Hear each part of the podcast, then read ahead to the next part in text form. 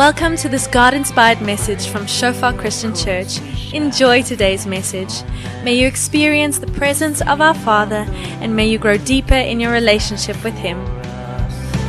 Oh Jesus,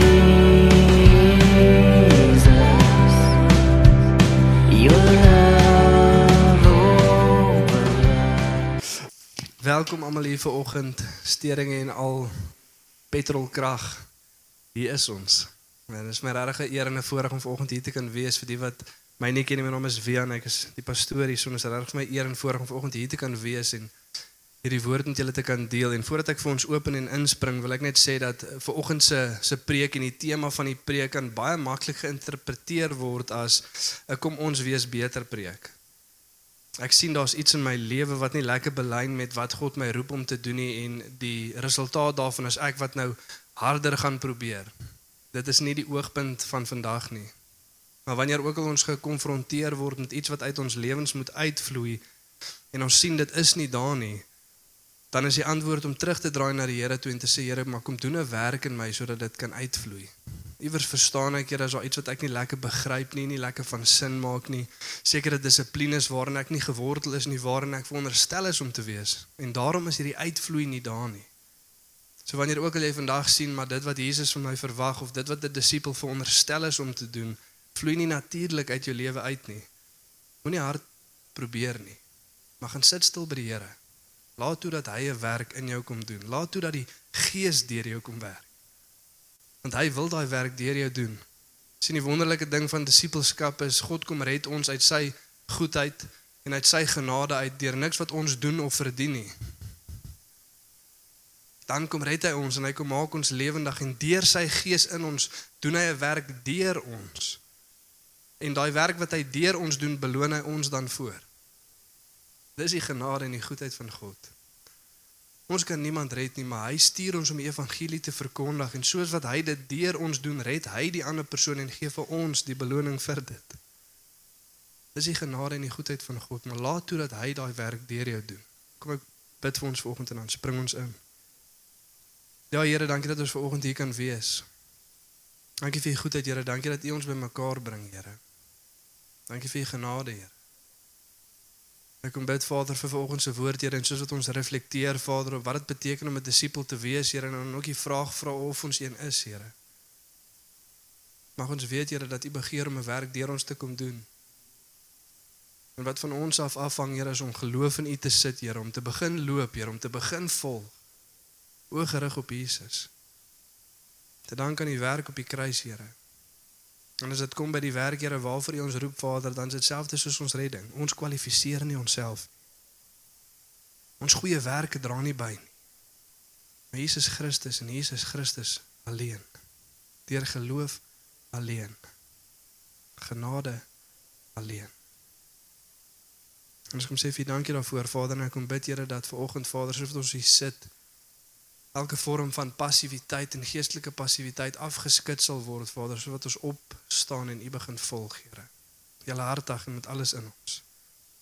Ons kom sê vir U dankie Vader vir die werk wat U kom doen. Dankie Heilige Gees dat U ons krag gee vir die werk van bediening.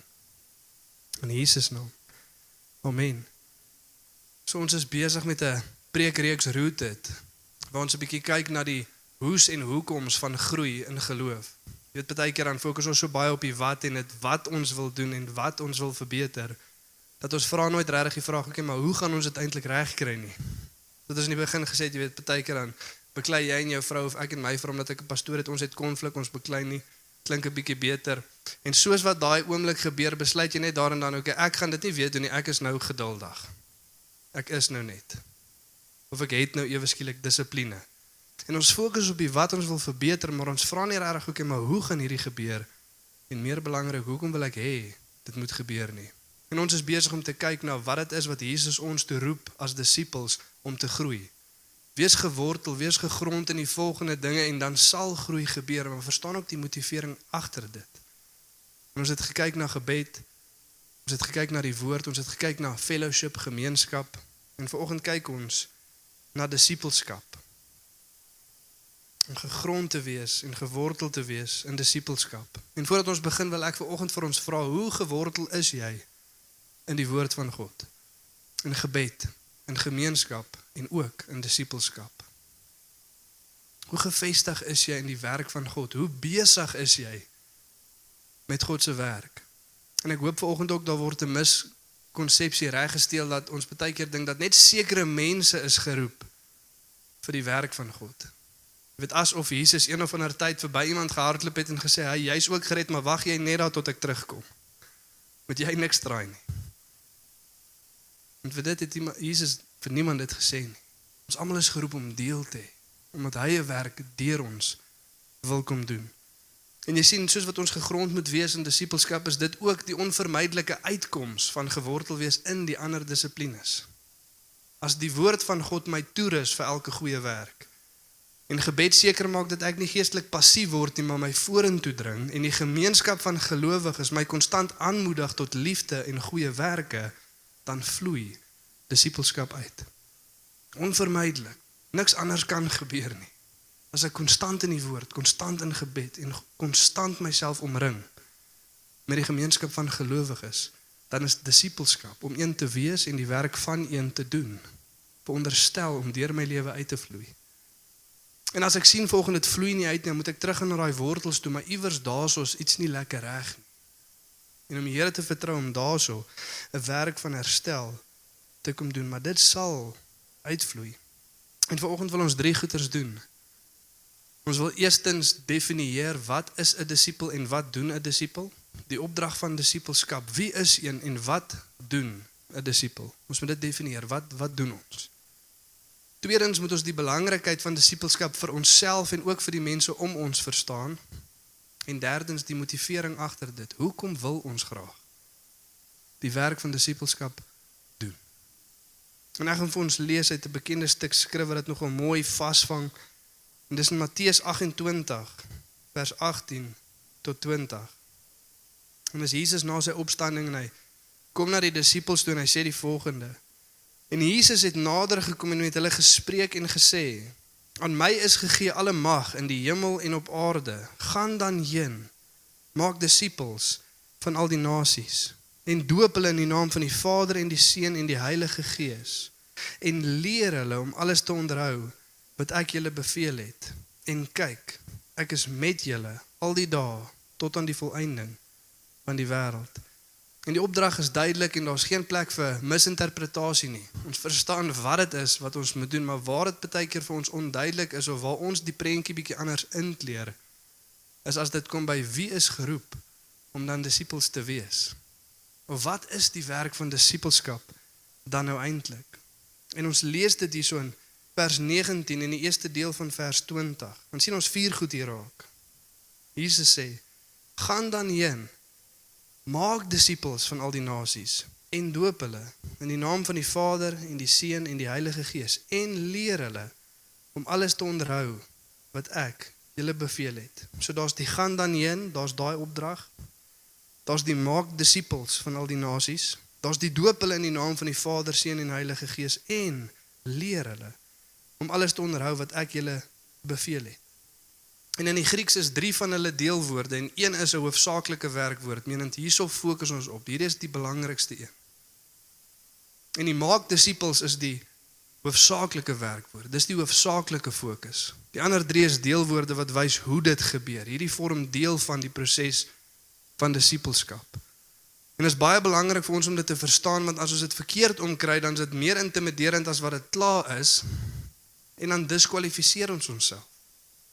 Sien baie keer dink ons die fokus is is op die gaan dan heen. En wat ons daar uitkry is, ek moet na 'n ander nasie toe gaan om disippels te gaan maak. Dis meer oorweldigend as wat hierdie opdrag klaar is. En dan dink ons nee, dis net vir mense wat geroep is om sendingswerk te doen. Ek sal net hier wag en hoor hoe dit gegaan as hulle terugkom. En dit is nie wat die fokus is nie. Val as ons die 83 vertaling lees, dan mag ons dalk so dink. Dit sê gaan dan na al die nasies toe en maak hulle disippels. En dan dink ons baie keer nou moet ons travel.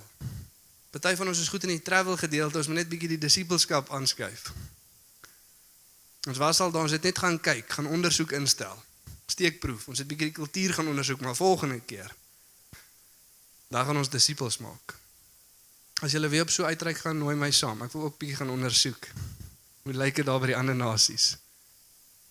Maar dan dink ons ons moet na ander nasies toe gaan. Dis die Griekse woord ethne, nasies, beteken mensegroepe. Hulle is hier om ons, oral, selfs in die tyd van Jesus. In Jerusalem met klomp mense van verskillende nasies, elke nasie onder die son soos wat Handelinge 2 vir ons sê gewoon.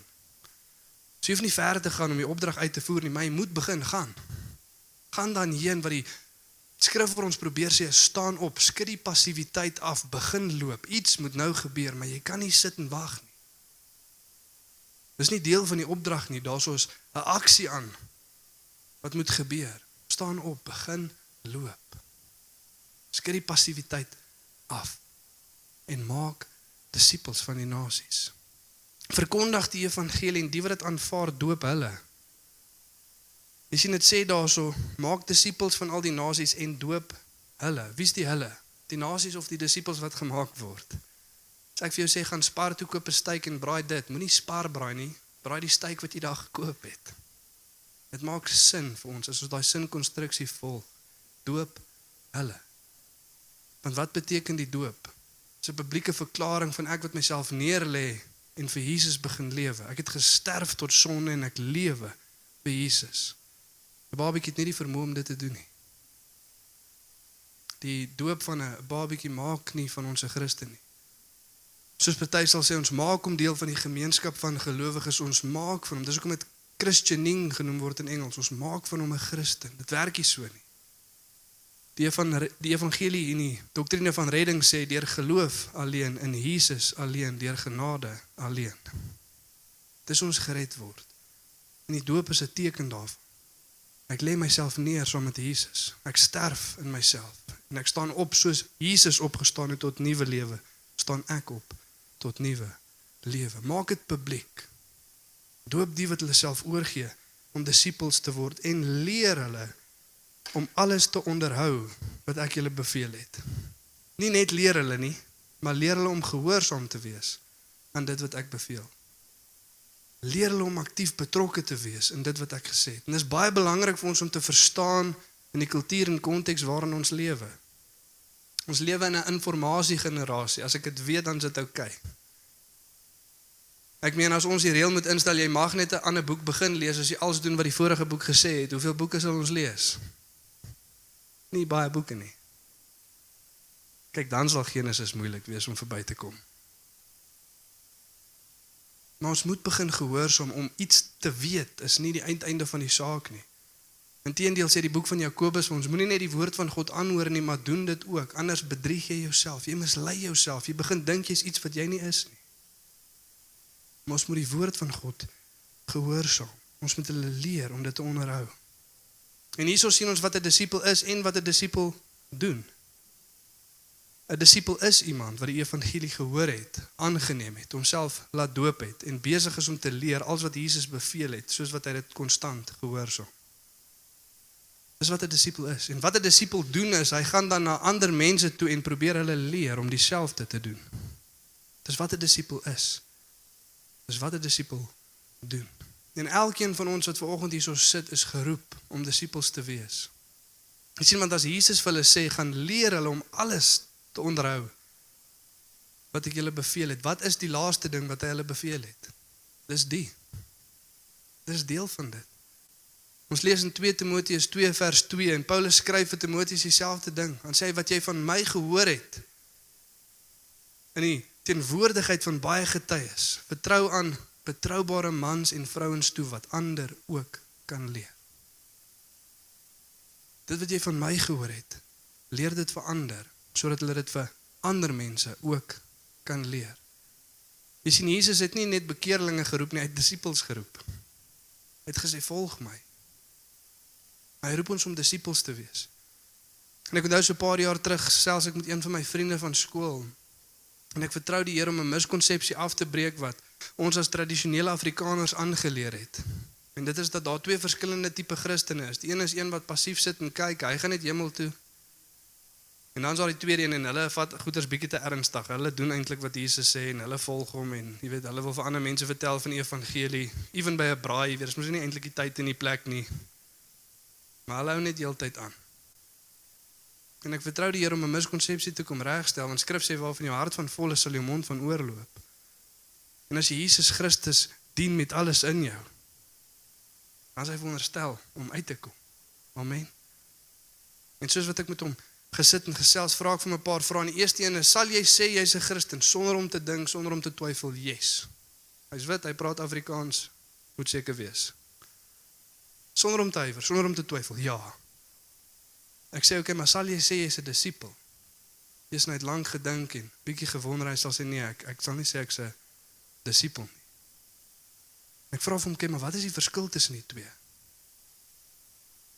En ook na lank gedink is die enigste konklusie waarby mense kan uitkom dat die een vat dit 'n bietjie meer ernstig as die ander een. Die een het al van die storie gehoor, maar die ander een het die realiteit van dit besef. Die een het gehoor daar's nuwe lewe in Jesus Christus, die ander een ervaar nuwe lewe in Jesus Christus, maar iets is anders. En aan lig van dit vra ek vir hom, "Maar sal jy sê jy gaan dan hemel toe eendag?" En hy sê nee. Mens nog steeds sê jy's 'n Christen. Ja. Wat 'n verskynsel. Hier sit 'n Christen wat nie 'n disipel is nie en ook nie eendag hemel toe gaan. Hoe gebeur dit? Sien ons het baie keer daai selfde miskonsepsie. Ons dink ons kan gered wees sonder om Jesus te volg. Dis nie hoe dit werk nie. En dan moet 'n bereidwilligheid wees om hom te volg as ons besef wat hy vir ons gedoen het. En om ons vanoggend te vra weer eens in lig van dit, hoe aktief is jy besig met die werk van God? Is jy eerstens 'n disipel? Want dan sal jy ook doen wat disippels doen. Het jy al die evangelie geaanvaar? Word die besef van dit gekom, jouself laat doop en is jy aktief besig om saam met die gemeenskap van gelowiges te leer om alles te onderhou wat Jesus ons beveel het. Dit is waarmee ons moet besig wees.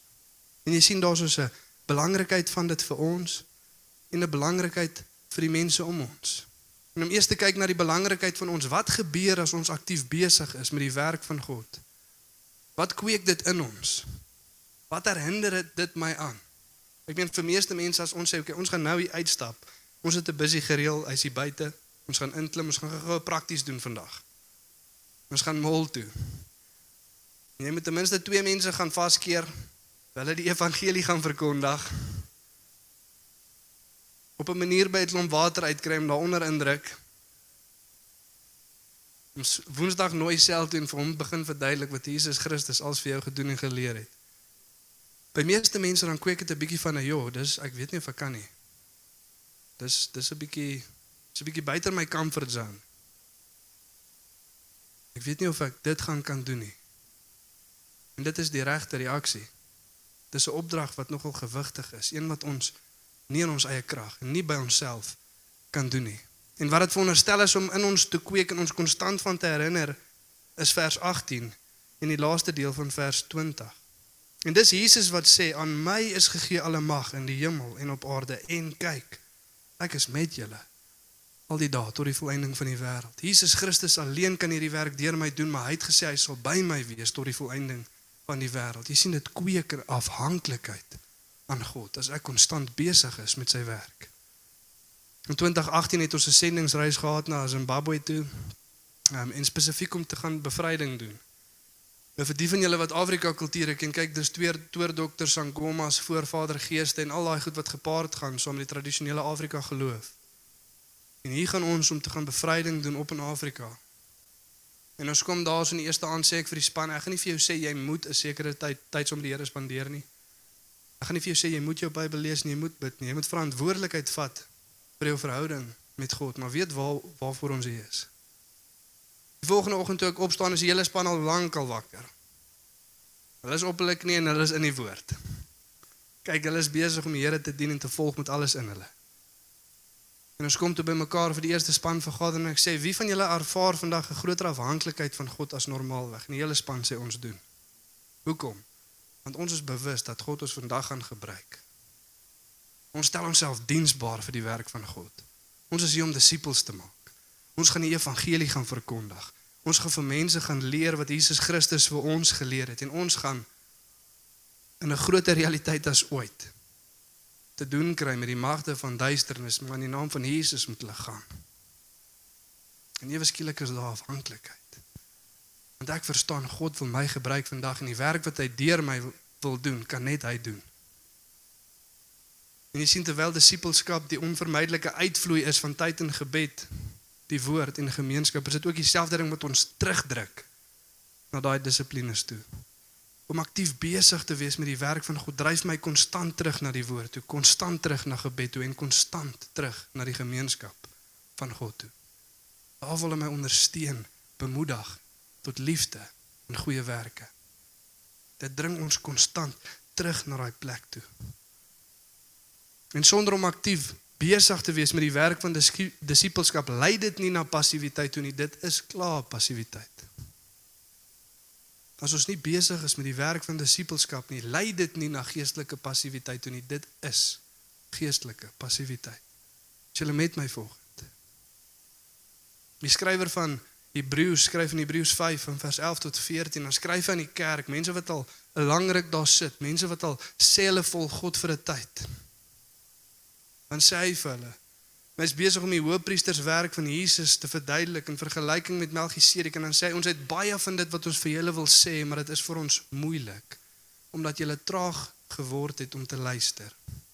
Julle moes teen die tyd alself kon onderrig gee in die geloof, maar nou het julle weer nodig dat iemand julle die base basiese goed van die woord van God kom verduidelik. Julle kort melk, nie vaste kos nie. Met ander woorde, julle is nog babietjies in die geloof want julle gee julleself nie oor aan die dienswerk van God nie.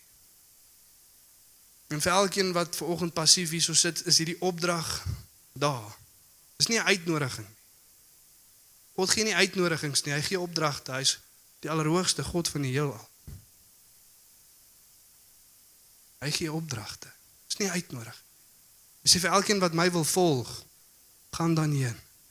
Maak disippels. Staan op, skud die passiwiteit af, begin loop. Dis nie 'n goeie idee nie, is wat God van ons verwag. En as jy vanoggend hier sit en jy sê ek weet nie waar om te begin nie. Begin loop en leer. Begin loop en leer.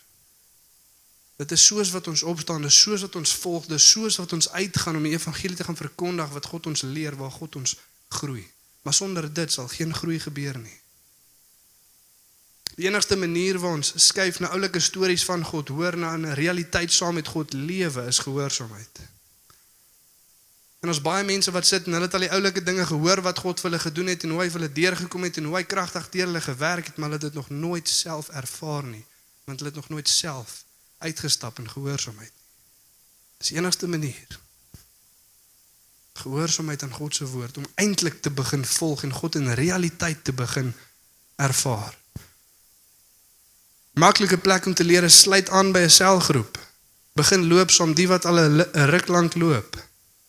En is ook daar waar ons mekaar leer om alles te onderhou wat Jesus Christus vir ons geleer het.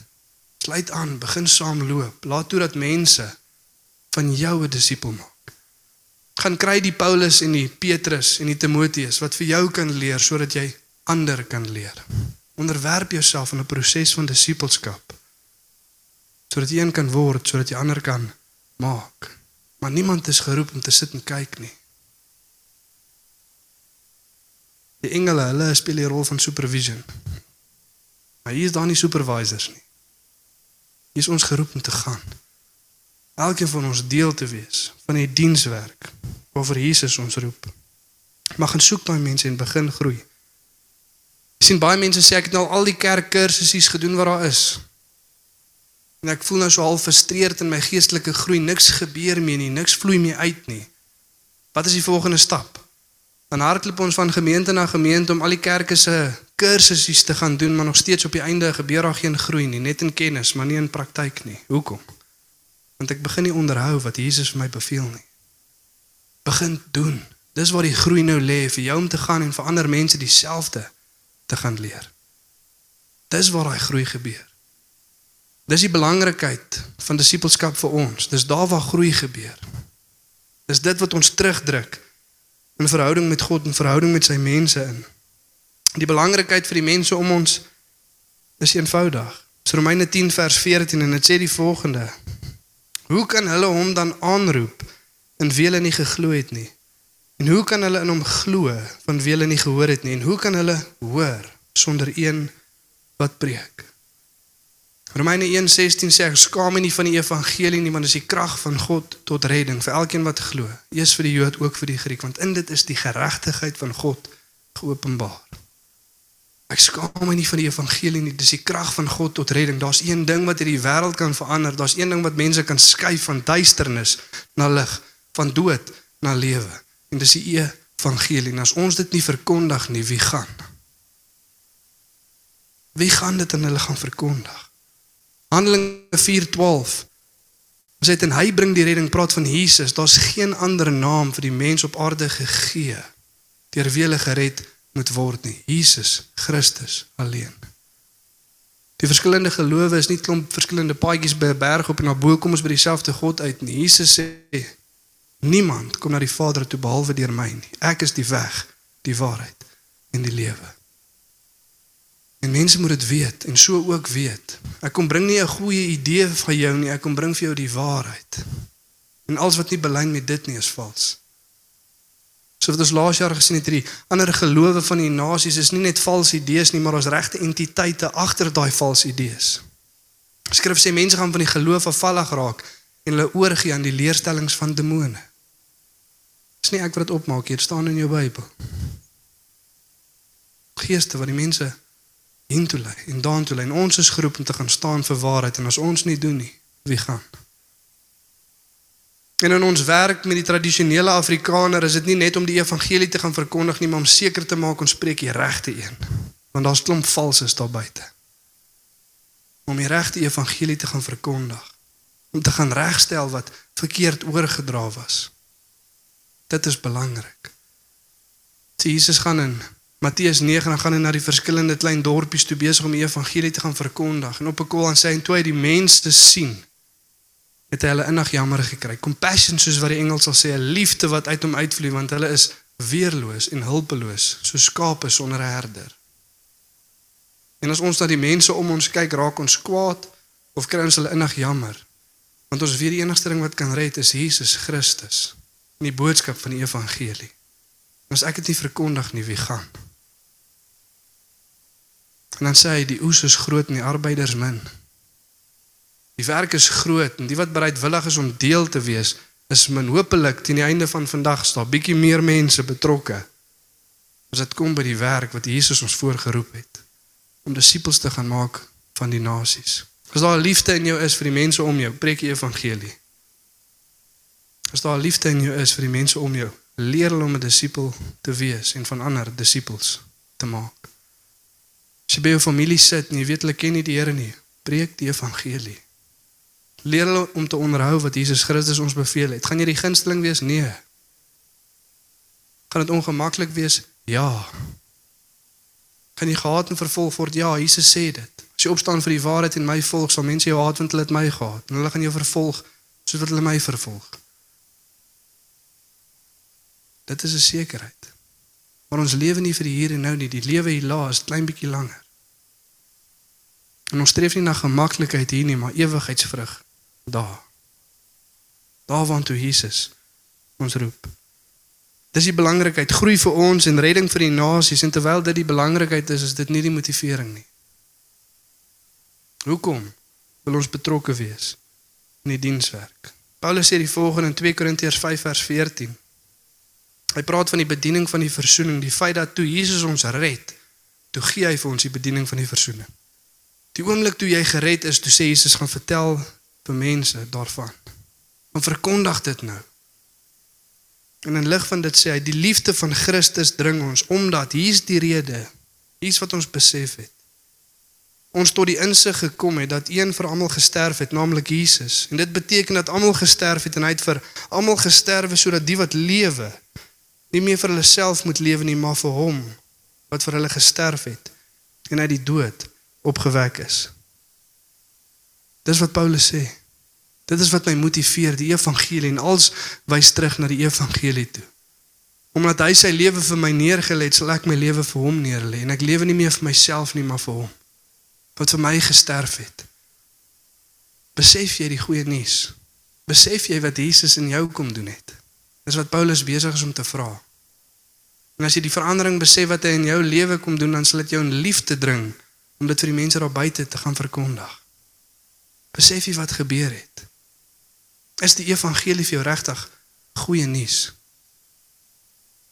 As jy oortuig van die feit dat jy môre as jy by die werk kom of as jy vanmiddag by jou familie sit, jy die evangelie aan hulle verkondig dat dit goeie nuus is? Of dink jy dis 'n ongemaklike storie? 'n Ongemaklike tradisie? Een waarvoor daar 'n tyd en 'n plek is. Nee, dis goeie nuus.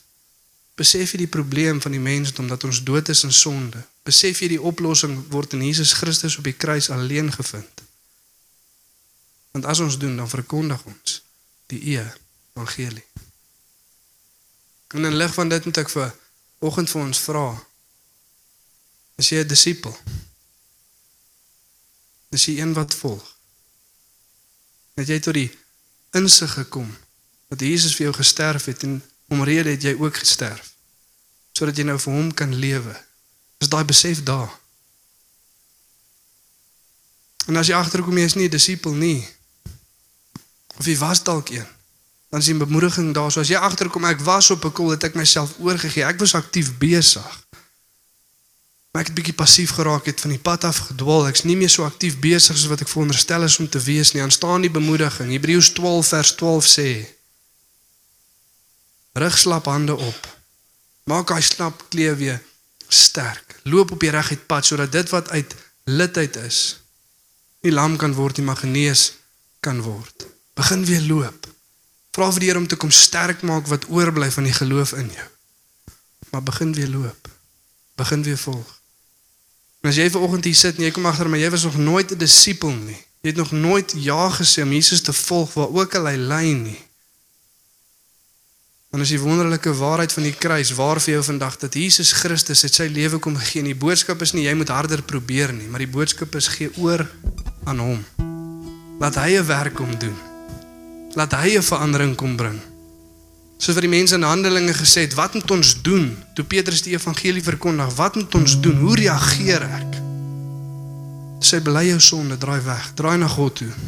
Word gedoop in die naam van Jesus Christus vir die vergifnis van sonde en jy sal die gawe van die Heilige Gees ontvang. As jy vandag hier sit en jy het jouself nog nooit laat doop nie. Hoekom nie?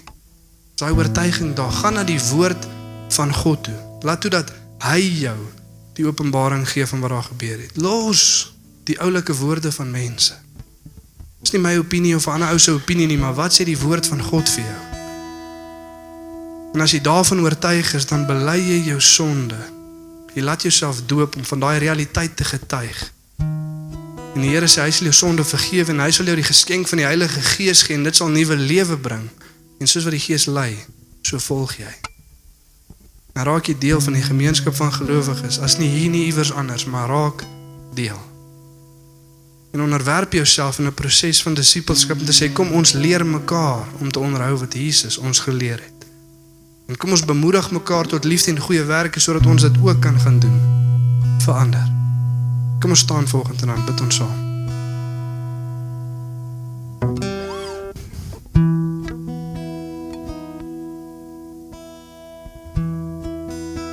Ja Here, dankie dat ons ver oggend voor U kan kom, Here. En ek kom bid Here vir elke hart wat ervaar waar gaan ek nou nog tyd kry vir dit ook.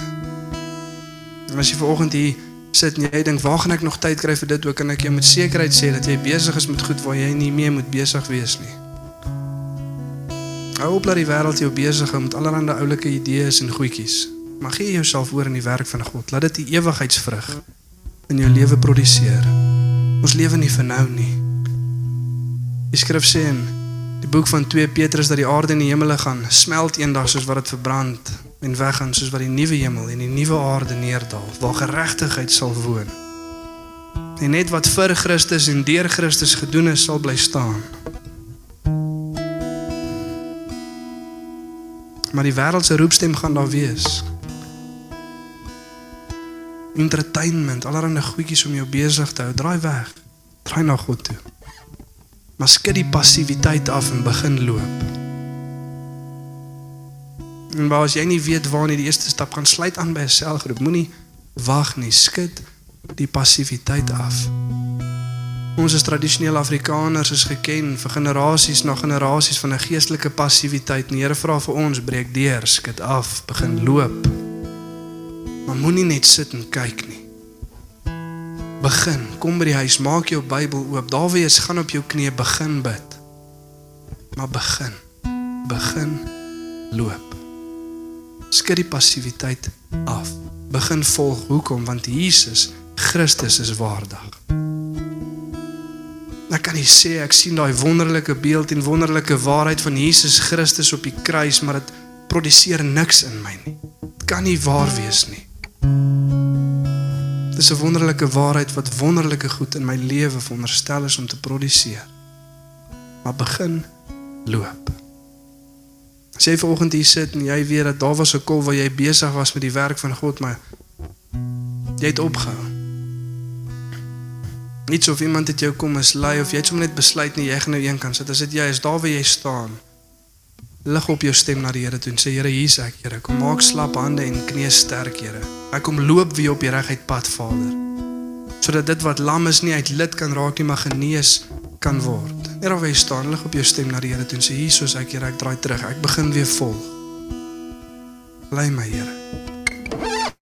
En as jy volgende is en jy het nog nooit oorgegee aan 'n proses van disippelskap nie, sê Here Jesus, hier's ek nou. Ek lê my lewe neer, ek tel my kruis op en ek volg U, Here. Nie want ek soek goed van U af nie, maar ek sien dat U waardig is, Here. En dankie dat soos wat ek U volg, dan voeg U goeie goed by. Maar die goeie goeds nie die rede nie. Dis U wat ek volg. Here waar jy staan, lig op jou stem na die Here toe en sê Here, hier is ek, Here, ek begin volg. Lei my. En wat ook al jy God voel op jou hart druk, doen dit. Wees gehoorsaam, begin loop. Ervaar die goedheid van God in jou lewe. Dankie Here vir 'n kragtige werk wat U vanoggend kom doen, Here. Dankie vir passiwiteit, Here, wat afval, Vader. Dankie vir voete wat begin loop, Here, oë wat begin sien, Here, monde wat begin verklaar dat Jesus Christus koning is, Here. Dankie vir die vrug wat gaan deurvloei soos wat U kerk opstaan, Here, en die werk gaan doen. Dankie vir elke persoon wat vandag terugdraai na U toe en begin volg, Here. Dankie vir elke hart wat opnuut oorgee, Here. U is goed, Here, en U is waardig om geprys te word. En dankie vir die bemoediging, Here, dat aan U is gegee alle mag op hemel en op aarde en U is by ons tot die volëinding van die wêreld. Ons kom sê vir dankie vir U goedheid in Jesus naam. Amen.